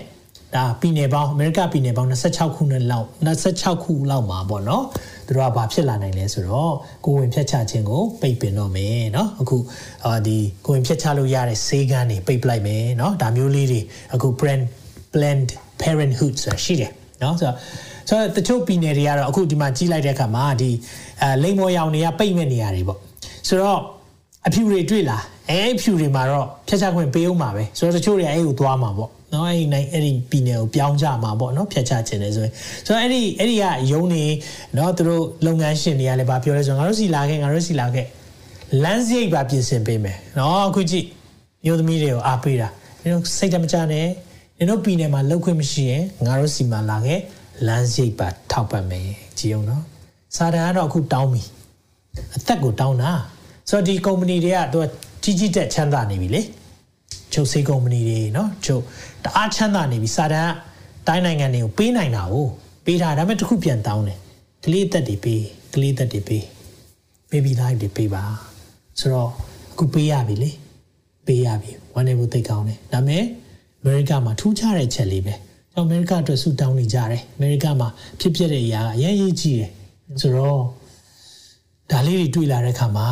ကျွန်တော်တို့ပြန်ပြီးတော့ဆင်ခြင်မှုဖြစ်တယ်ဆိုတော့ဒီနေ့မှာလဲဒါလေးပေါ့နော်တမဂျန်စာကဘာပြောသလဲဒါလေးတအားရေးကြည့်တယ်เนาะဒါကြောင့်ကျွန်တော်တို့တွေဒါနဲ့ချိန်ထိုးတာဖြစ်တယ်ဆိုတော့ Texas ပြည်နယ်မှာစာရင် Florida เนาะဒီဒီပြည်နယ်တွေမှာတော့ယုံကြည်သူတွေအားကောင်းသေးတယ်ချိန်ထဲမှာပဲเนาะ pro life ပေါ့เนาะအသက်ကိုရွေးချယ်တဲ့သူတွေရှိနေသေးတယ်ဒီမှာကျမ်းစာတွေမှာ ဘာပြောလဲဆိုတာကိုကြည့်ရအောင်ဆိုတော့စာတန်အလုပ်လုပ်တယ်เนาะဆိုတော့ဒီလိုမျိုးပြည်နယ်တွေမှာအခုကြည့်ထားပါเนาะဒီပြည်နယ်တွေကိုဝင်ဖြစ်ချခွင့်ကိုပိတ်ပင်မဲ့ပြည်နယ်တွေမှာစာတန်ကြီးမားစွာတိုက်ခိုက်လိမ့်မယ်အခုတလောလေးရပဲယုံယုံခန်းတခုကိုသူတို့ နော်ဓာတ်စီတွေမီးရှို့ပြီးတော့ပြစ်တယ်မီးလောင်သွားတဲ့ခါမှာသတင်းစာပါရေးလဲဆိုတော့အဲ့ဒီယုံကတဲ့ဟိုမီးမတော်တဆမှုဖြစ်ပွားတယ်လို့ဘာလို့ကာကွယ်နေတာเนาะတလောကလုံး fake news တွေ ဒါကြုံကြည်သူတွေသိထားဖို့လိုတယ်သတင်းမှတွေ့တိုင်းเนาะနာမည်ကြီးသတင်းဌာနတွေ့တိုင်းသတင်းမှန်မဟုတ်တော့ဘူးအကုန်လုံးเนาะစာတန်းကောင်းကောင်းသုံးချပြီးတော့လုံနေပြီဆိုတာသိဖို့လိုတယ်ဒါကြောင့်เนาะတမာတတိရှိပါတမာကျမ်းစာကဘာပြောသလဲเนาะ face the book let's face this book เนาะဒီကဘာပြောသလဲဒါပဲယူဖို့ဖြစ်တယ်เนาะသတင်းဌာနကပြောလို့သတင်းမှန်တာမဟုတ်ဘူးဒီရဲ့စာအုပ်ကဘာပြောသလဲ ဖခင်ရဲ့နှုတ်တော်ထွက်စကားကဘာပြောသလဲဒါကိုကျွန်တော်တို့တွေသိဖို့ဖြစ်တယ်အဲ့ဒီပြည်နယ်တွေမှာစာတန်ကကြီးကျယ်လှုပ်ရှားနိုင်တယ်ဒါကြောင့်ဆူတောင်းပေးပါတင်ဟာဒီရဲ့เนาะအခုပြောထားတဲ့ဒီပြထားတဲ့ပြည်နယ်တွေထဲကလူဖြစ်တယ်ဆိုရင်ဆူတောင်းပါเนาะတင်ရဲ့ပြည်နယ်အတွက်အမေရိကအတွက်အမေရိကမှာနေတဲ့သူတွေထူးဖြင့်ဆူတောင်းပါလို့ဒီနေ့ပြောပြချင်တယ်ဗျာဒိတ်စနစ်မှာမပြောလဲဆိုတော့စာတန်ကတဲ့သူ့ရဲ့အချိန် စနစ်စနစ်မှာနော်ခဏပဲကြံတာတိတဲ့ခါမှာတဲ့ပြင်းစွာသောဒေါသအမျက်နဲ့တကွာတင်းတို့ရှိအောင်ဆင်ပြီးတဲ့သူ့ချိန်ကုန်တော့မယ်ခြေဆောင်ချင်းလာတော့မှာဟုတ်ခြေဆောင်ချင်းလာဖို့နီးလေလေစာတန်ကအမျက်ဒေါသနဲ့အသက်ကုန်လှုပ်ရှားမယ်မအံ့ဩပါနဲ့နော်တင်းတော်တွေထဲမှာလှုပ်ရှားမယ်မိသားစုတွေထဲမှာလှုပ်ရှားမယ်အမျိုးမျိုး idea တွေပေးမယ်ကျွန်တော်တို့ ဝိညာဉ်မာနကြီးတဲ့သူတွေကိုအဲ့ဒီမာနအလျောက်လုပ်ပေးမယ်เนาะတချို့တွေဝိညာဉ်မာနသိတ်ကြီးတယ်အများသောဆရာเนาะအများသောဆရာနောက်ကိုကြားခြင်းတယ်တဲ့เนาะဆိုတော့ sound doctrine ဆိုတာဟိုတမန်ကျမ်းစာတမန်တရားနဲ့တွင်တင်တဲ့ဥစ္စာကိုသိမကြားခြင်းတော့သိမကြားခြင်းပဲနဲ့ဘာတွေကြားခြင်းလာလဲဆိုတော့เนาะဟိုကိုကိုကြိုက်တဲ့ဟာလေးတွေပေါ့เนาะကိုကိုမာနကိုအဲမြောက်ပြီးတဲ့အဲတမတမကျန်းစာတွေဆိုရင်ပူပူကြားကျင်လာတယ်ဒါအမှန်ကန်ပဲအ ခုချိန်မှာကျွန်တော်ဒါတွေသိနေရတယ်အာဖះမင်းကိုချစ်တယ်เนาะဖះမင်းလှုပ်ဆောင်သမျှအကုန်လုံးကောင်းကြီးပေးမယ်မကြောက်နဲ့ဟဟလားဒါပေမဲ့ဖះသူ့အချိန်နဲ့သူလှုပ်လှုပ်တတ်တယ်ဆိုတော့လေမမေ့ပါနဲ့เนาะဆိုတော့ဒီလိုနှုတ်ဘတ်တော်တွေကျွန်တော်တို့အဲအဲမှာရှိလာပြီအာဖះက ဘယ်လိုလာလဲနော်လားတရုတ်ပြည်မှာမိန်းမဖြစ်လာတယ်စသဖြင့်နော်ဒါမျိုးတွေဖြစ်လာတယ်ဆိုရင်ကျွန်တော်တို့တွေကဟာအဲ့ဒီနောက်ကို like ရှင်တဲ့သူတွေအများကြီးရှိနေတယ်ဒါကြောင့်ကျွန်တော်ဒါတွေထဲမှာမပါသွားဖို့လိုအပ်တယ်နော်ဆိုတော့ကျွန်တော်အဲပြီးကြရင်တခုနှုတ်ဘတ်တော်လည်းဖတ်မယ်ဆိုတော့ဒီမှာဗာပြောသေးလဲဆိုတော့ဒါလေးနဲ့ဆုံးသက်ခြင်းတယ်တရားဟောခြင်း30မှာအငယ်19မှာဒီလိုပြောထားတယ်အသက်ရှင်ခြင်းသေခြင်း ကောင်းကြီးပေးခြင်းကျင့်ခြင်းတို့ကိုသိရှိနိုင်ငါထားသည်တဲ့အသက်ရှင်ခြင်းသေခြင်းကောင်းကြီးကျင့်ခြင်းဒါတွေကိုရှေ့မှာထားပြီတဲ့တို့ဖြစ်၍တင်းနဲ့တင့်မျိုးနွယ်သည်အသက်ရှင်မိအကြောင်းနှင့်၎င်းတင်းဖျားခင်သာရဖျားကိုချစ်၍စကားတော်ကိုနားထောင်သဖြင့်အသက်ရှင်ခြင်းအကျိုးအသက်တာရှည်ခြင်းအကျိုးကိုပေးတော်မူသောကိုတော်ကိုစီးကပ်မိဝဲမိအကြောင်းနှင့်၎င်းဖျားသခင်သည်ဘိုးဘေးအာဗြဟံအိဇက်ယာကုပ်တို့အားချိန်ဆူတော်မူသောပြည်၌နေမိအကြောင်းနှင့်ရှင်သော အောက်ဆုံးကြောင့်လေအသက်တရားကိုရွေးယူလော့ choose life life နဲ့ death ကိုပေးထားပြီးပြီတဲ့ life နဲ့ death သိခြင်းနဲ့ရှင်ခြင်းကိုပေးထားပြီးပြီတဲ့ဒါပေမဲ့ဖခင်ကပြောလဲရှင်ခြင်းကိုရွေးပါတဲ့ဆိုဘာကိုရွေးလဲခုကကလေးကိုတတ်မယ်ဖြတ်မယ်စာတန် idea တွေပဲရွေးနေတာညောင်းအထူးဖြင့်เนาะဒီမှာလူငယ်လေးတွေမတရားသောမိထုံရှောင်ပါတခုခုဖြစ်လာတဲ့ခါမှာဒါတွေဖြစ်လာပြီဆိုတဲ့ခါမှာ ကျွန်တော်တို့တွေကင်တွယ်ဖို့သိခက်ခဲသွားပြီဒါကြောင့်မီးဆိုတာမလောင်ခင်ကတားဖို့ပဲနော်ဆိုတော့ကျွန်တော်ဖះမကြိုက်တဲ့အရာမလုပ်ပါနဲ့ဖះမကြိုက်တဲ့အရာလုပ်ချင်းနောက်ွယ်မှာဒီအကျိုးဆက်တွေရှိတယ်အကုန်ဖြစ်ချပူတဲ့သူတွေရှိကောင်းရှိမယ်တဲ့ဝမ်းနေဆုံးအရာကအဲ့ဒီကိစ္စဖြစ်နေတတ်တယ်မျိုးသမီးတယောက်ပြောမှုတယ်ဘွားမှာဝမ်းနေဆုံးကတဲ့ကိုဝင်ဖြစ်ချခဲ့မိလို့ပဲဒီနေ့ဒီကိုကိုတော့ခွင့်မလွတ်နိုင်ဘူး။ဘာကြောင့်လို့ပြောတာလဲ။ तू သိတယ်လေအသက်ရှင်ခြင်းနဲ့သိခြင်းသိခြင်းကိုသွားရွေးမိတာ။ဆိုတော့ဖျားမကြိုက်တဲ့အရာတွေလုပ်တယ်ခိုးစားတယ်နော်။အဲ့ဒီနောက်ွယ်မှာကျွန်တော်တို့တွေညာကြီးပြဿနာရှိတယ်။ဒါကြောင့်ဖျားရဲ့တရားတော်နဲ့သွားပါ။မဆွေးပါနဲ့ဖျားတဲ့အတွက်အကောင်းဆုံးအရာတွေပြင်ဆင်ထားပေးတယ်။လူဖြစ်တယ်။တင်ဒီနေ့ကျွန်တော်အတန်ကြားတယ်ကျွန်တော်ရုပ်ကိုမြင်နေတယ်ဆိုရင်ဖျားကြံစီတင့်ပေါ်မှာရှိသေးတယ်။မပြီးသေးဘူး။အဲကြောင့်ကျွန်တော်တို့ ဒီအရာကိုနားလည်ဖို့လိုတယ်နော်အဲကြောင့်ဒီနေ့တင်တင်ကိုဝင်ပြချမိလို့နော်ဟိုခွင့်မလွတ်နိုင်ဘူးဆိုရင်လေဖျားရှိမှပြန်လာပါတောင်းပန်ပါဖျားခွင့်လွတ်တယ်နောက်မှတင်ဆရာဝန်ဒီကိစ္စဒါမှမဟုတ်တင်တယောက်ယောက်ကိုဒီကိစ္စမှာကူညီပေးခဲ့မိတဲ့သူဖြစ်တယ်ဆိုရင်လေဒီဖခင်တင့်ကိုချစ်တယ်ခွင့်လွှတ်နိုင်တယ်တောင်းပန်ပါဒါပေမဲ့ဆက်မမဘူးလို့တယ်ချိန်ထဲမှာပဲမမားသေးတဲ့လူငယ်လေးတွေ မျိုးသမီးလေးတွေသူဖြစ်ကိုအပေးခြင်းတယ်တင်ဖခင်ရဲ့တားထားတဲ့အရာမလုပ်ပါနဲ့မတရားသောမိထုံမလုပ်ပါနဲ့ကိုကိုတန်ဖိုးထားပါသင်ကိုကိုကိုတန်ဖိုးထားတဲ့အပေါ်မှာပဲသင်ရဲ့ခင်ပွန်းလောင်းသင်ရဲ့ future husband ကတန်ဖိုးထားလိုက်မယ်အကြောင်းသင်တန်ဖိုးထားဖို့လိုတယ် hallelujah amen ကျွန်တော်ကျမ်းစာတစ်ပိုက်ထပ်ဖတ်ချင်တယ်ဒီထဲမှာမပါလို့ ဒီနှစ်တိခန်းကြီးလေးထဲမှာဗာပြောလဲဆိုတော့ငယ်သုံးပါကျောင်းမူကနောင်ကာလ၌ဒီချိန်ကိုပြောတာနောင်ကာလ၌လူတို့သည်စင်ကြယ်သောဩဝါဒကို နားမခံနိုင်ပဲအမကျမ်းစာနဲ့ပြောလိုက်ရင်နားမခံနိုင်ဘူးတဲ့။ဘာကြားတယ်လဲရားတတ်သောနားရှိလဲဆိုနားထဲမှာမခံနိုင်ဘူးရားသွားတယ်။မိမိတတ်မှတ်ခြင်းအတိုင်းများပြားသောဆရာတို့နောက်သို့လိုက်ကြလိမ့်မည်။ on Facebook တွေမှာလည်းတွေ့နေတယ်။ကြည်နေတယ်။အော်ကိုမြို့မှာကိုဘေးမှာတမန်တရားအတိုင်းသွန်သင်ပေးတဲ့ဆရာရှိရဲ့နဲ့ Facebook မှာမဟုတ်တာတွေပြောတဲ့နောက်ကိုပဲ like ချင်တဲ့သူတချို့ရှိတယ်။ဘာကြောင့်လဲဝိညာဉ်မာနတွေတိတ်ကြီးတဲ့အခါမှာ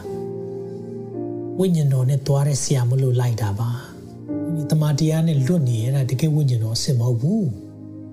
ဝိညာဉ်တော်ကသူမှုတ်သွင်းထားတဲ့စာနဲ့ဆန့်ကျင်ပြီးဘာမှမလုပ်ဘူး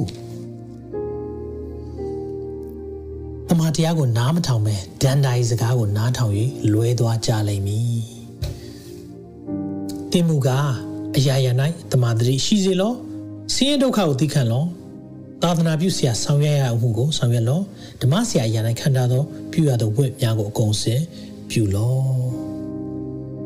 ဒီမောသေကိုတတိပေးသွားတာပေါ်လူက အဲ့ဒီလူတွေပေါ်လာလိမ့်မယ်နော်နောင်ကာလမှာစင်ကြဲတဲ့ဩဝါဒမကြားခြင်းဘူးတဲ့မကြောက်လဲဆိုတော့ကိုယ့်အဖြစ်ကိုရမ်းဖော်ပြတယ်လေကိုယ့်ကိုထိုးနေတယ်လို့ပဲနားထောင်တဲ့ခါမှာကျွန်တော်သိအောင်မသိပါဘူးဒါပေမဲ့ဒီရောင်းပြောတဲ့ခါမှာငါ့ကိုဘာလို့ဒီဆရာပြောနေတာလဲကျွန်တော်ပြောတာမဟုတ်ဘူးတမန်တရားအသိအောင်အလင်းပြတာမောင်ထဲမှာရှိတဲ့လူတယောက်ရုတ်တရက်အိမ်မောကြပြီးအဲ့နေမီးဖွင့်ကြည့်လိုက်မျက်စိစူးကနေဖြစ်သွားတယ်စိတ်လေးဆိုးအကြောင်းလဲ အလင်းမမြင်ဘူးတဲ့ခါမှာမောင်ထဲမှာနေတာကြရင်အလင်းကိုမခံနိုင်တမန်တရားအလင်းဖြစ်တယ်ဒီကျွန်တော်ယုံကြည်တယ်တင်အလင်းရမယ်လို့ယုံကြည်တယ်အကြောင်းဒီနေ့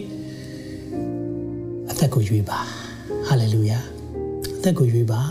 သင်ရဲ့ဘဝမှာအသက်ရှင်တဲ့ဖခင်ကသင်ကိုအသက်ပေးထားတယ်အကြံစီတွေရှိနေသေးတယ်စဉ်းစားကြည့်အောင်တချို့တွေနော် carry job ဆိုရင်သူ့ကိုဆရာဝန်ကသူ့မိခင်ကိုဝင်ရှိတဲ့ချိန်မှာဒီကလေးကကျမ်းမာမှာမဟုတ်ဘူး။ကောင်းဆုံးကတော့ဖြတ်ချလိုက်တာကောင်းတယ်တဲ့။သူ့ကိုကြံပေးတာသူ့မေကို carry job ရဲ့အမေကိုဒါပေမဲ့ carry job အမေဖះကိုကြောက်တယ်။ no no no အဲ့တော့ကျွန်မမလုပ်ဘူး။ရှိရင်လည်းရှိပါစေတော့တဲ့။ဒီကလေးကိုဖះဟာကျမ်းမာစွာနဲ့ အသက်ရှင်ခွင့်ပေးနိုင်တယ်ဆိုတာလေကျွန်မယုံကြည်တယ်တဲ့။ဆရာဝန်ကသိကြလား။နင်တပွားလုံးစိတ်ညစ်ရမှာနော်ရတယ်ကျွန်မဖျောင်းယုံကြည်တယ်အဲ့ဒါနဲ့ကလေးကိုမွေးလိုက်တယ်ဒါပေမဲ့ဆရာဝန်ပြောသလိုညရီမပြေတာတော့ခက်ခဲမဲ့ကလေးမဟုတ်ပဲနဲ့ခုချိန်မှာဖះအသုံးပြုတဲ့နော်ချီးမွမ်းကိုးကွယ်ခြင်းမှာအင်မတန်မှဖះကိုချစ်တဲ့အ ဆိုတော်တယောက်ဖြစ်လာတယ် blessing ကျွန်တော်သိတယ်နော် The Lord bless you ဒီချင်းတော့2019 20လောက်မှာအမတမ်းမခေစားဒီသူတို့ဇနီးမောင်နဲ့အဲ့ဒီချင်းနဲ့နော်အရန်ကိုဖျားသုံးပြတယ်။နောက်ဖျားဟာတတ်နိုင်တဲ့အရှင်ဖြစ်တယ်ဆိုတာယုံကြည်ပါ။အကြောင်းသိရဲ့သက်တာမှာတ မန်တရားတိုင်းသွားပါ။ဒီနေ့အသက်နဲ့သေခြင်းနှစ်ခုသင်ရှိမှဖះချထားပေးပြီးပြီကျွန်တော်လည်းတမန်ကျမ်းစာအရာသင်ကိုညွှန်ပြပြီးပြီရွေးချယ်ရမှာသင်တာဝန်ဖြစ်တယ်။မန်ကန်စွာရွေးချယ်နိုင်မှုဖះရှင်သင်ကိုကောင်းချီးပေးပါစေ။တရှင်တော်ဖះနာမတော်ကိုချီးမွမ်းပါရယ်ယနေ့နှုတ်ပတ်တော်အတွက်လည်းယေရှုတင်တယ်ကိုရောတိုင်းနိုင်ငံတွေမှာစာတန်ရဲ့လှုပ်ရှားမှုမြောက်များစွာတွေ့နေရပေမဲ့အချိန်တည်းမှာပဲကိုရောရဲ့ကိုယ်ကာခြင်းနဲ့ ကိုရောရဲ့ပို့ဆောင်ခြင်းလည်းရှိနေသေးလို့ယေရှုတင်တယ်ကိုရောရဲ့အကြံစီကျွန်တော်တို့ပုံမှာရှိနေသေးကြောင်းဝန်ခံပါတယ်အဲကြောင့်ကိုရောကိုရောရဲ့အကြံစီကျွန်တော်တို့ပုံမှာတည်ပါစေကိုရောကျွန်တော်အသက်ရှင်သေးတယ်ကိုရောဒီနေ့အသက်ကြားနေရသေးတယ်နေ့သားတစ်ကိုမြင်တွေ့နေရသေးတယ်ရုပ်ကျွန်တော်ရုပ်ကိုမြင်နေလူတွေကိုရောဒီနေ့မှာကိုရောဝိညာဉ်တော်အပြင်စကားပြောပါသူတို့ပုံမှာဖျားထားတဲ့အကြံစီတွေမပြီးဆုံးသေးဘူးတချို့တွေစိတ်တကြတယ်ကိုရော depression ဝင်တယ် suicidal thoughts ဆိုရယ်ကိုကိုတတ်သိခြင်းနဲ့စိတ်တွေဖြစ်နေပါတယ်ဒါပေမဲ့ကိုရော spirit of life အရှင်တော်ဝိညာဉ်တော်ဖျားအသက်ပေးတဲ့ဝိညာဉ်တယောက်ချင်းစီတိုင်းခုချိန်မှာတို့ထီပါ spirit of depression ကိုဖယ်တယ် spirit of suicide တတ်သိခြင်းတဲ့အရာအလုံးကိုဖယ်တယ်အစားထိုးတတ်တဲ့ဝိညာဉ်စုလည်းဖယ်တယ်ဒီနေရာမှာယေရှုနာမ၌တယောက်ချင်းစီတိုင်းပေါ်မှာဖခင်ရဲ့ကြံစီနဲ့အလိုတော်ပြန်လဲကြီးညာတယ်ကိုရောကိုရောရဲ့ကြံစီကျွန်တော်ပေါ်မှာရှိသေးတယ်ကျွန်တော် အလုံးထွေးမိခင်ဝဲဝမ်းထဲမှာအလုံးထွေးဖြစ်ရှိတဲ့အချိန်မှာပင်လေကိုရောကျွန်တော်တို့အတွက်ကြံစီတဲ့ကြံစီတွေရောက်များစွာသမုတ်တရားသဲလုံးထက်တောင်များတယ်လို့နှုတ်ပတ်တော်ပြောပါတယ်ကျွန်တော်ကိုရောရဲ့ကြံစီပဲပြည့်စုံပါစေကိုရောရဲ့အလိုတော်ပဲပြည့်စုံပါစေကျွန်တော်ကိုရောဒီဒီထုတ်ဖွဲ့တော်အဖြစ်တစုံတယောက်တော့သူကောင်းကြီးဖြစ်စေပါကိုရောသူတို့ဒီရဲ့ကိုဝင်ကိုဖျက်ချဖို့စဉ်းစားနေတဲ့သူများရှိခဲ့တယ်ဆိုရင်ကိုရော တမန်တရားအဖြစ်လင်းပေးပါဒီချိန်တည်းမှာပဲကိုရောဒီအရာကြောင့်တစ်ချိန်တစ်ခါမှအပြစ်လုပ်ခဲ့ဖူးတဲ့မိဘများရှိတယ်ဆိုရင်ကိုရောရဲ့ခွင့်လွှတ်ခြင်းကိုသူတို့ပုံမှာကြီးညာပေးပါတယ်ကိုရောသူတို့စစ်မှန်သောနောင်တနဲ့ကိုရောထံပြန်လာပြီးတော့ဒီနောင်တရပါမိကြောင်းလဲကိုရောကိုရောရဲ့ခွင့်လွှတ်ခြင်းရပါမိကြောင်းလဲဆုတောင်းပေးပါတယ်ရောလမ်းပြပါဒီရဲ့အစီအစဉ်ပေါ်မှာကိုရောပါရှိတဲ့အတွက်ကျေးဇူးတော်ကိုချီးမွမ်းပါ၏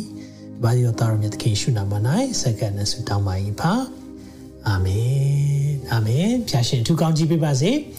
Saturday မှာတန်ရှင်တော်ဝိညာဉ်တော် series စမှာဖြစ်တယ်အားလုံးပါဝင်ကြပါဒီအစီအစဉ်ကိုလည်းလိုအပ်မဲ့သူတွေကို share ပေးပါလို့ရောက်ချင်းစီတိုင်းဖျာရဲ့ကြွေးဝါတော်သောကောင်းကြီးမင်္ဂလာများတက်ရောက်ပါစေလို့ဆုတောင်းပေးပါရစေ God bless you all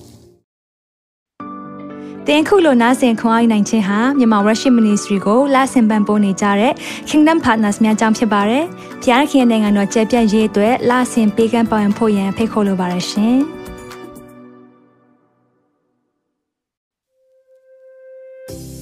အခုကြားနာခဲ့ရတဲ့နှုတ်ပတ်တော်အဖြစ်ခွန်အားရရှိမဲ့လို့ယုံကြည်မျှော်လင့်ပါတယ်။ခွန်အားရဆိုလို့ရှိရင်ဒီတစ်ပတ်နဲ့ပြန်လည်ဝင်မြပေးဖို့ရန်တောင်းဆိုပါရစေ။ Myanmar Worship Ministry ရဲ့ website myanmarworship.com ကိုလည်းလာရောက်လေ့လာဖို့ရန်တွဲဖိတ်ခေါ်ချင်ပါတယ်။တချိန်ထဲမှာ Myanmar Worship Ministry ရဲ့ social media platform များဖြစ်တဲ့ Myanmar Worship YouTube Channel, Myanmar Worship Facebook Page နဲ့ Myanmar Worship Instagram များကိုလည်းလာရောက်လေ့လာဖို့ရန်တွဲဖိတ်ခေါ်ချင်ပါတယ်။နောက်တစ်ချိန်မှာပြန်လည်ဆုံတွေ့ကြပါစို့။ဖျားရှင်ကောင်းကြီးပေးပါစေ။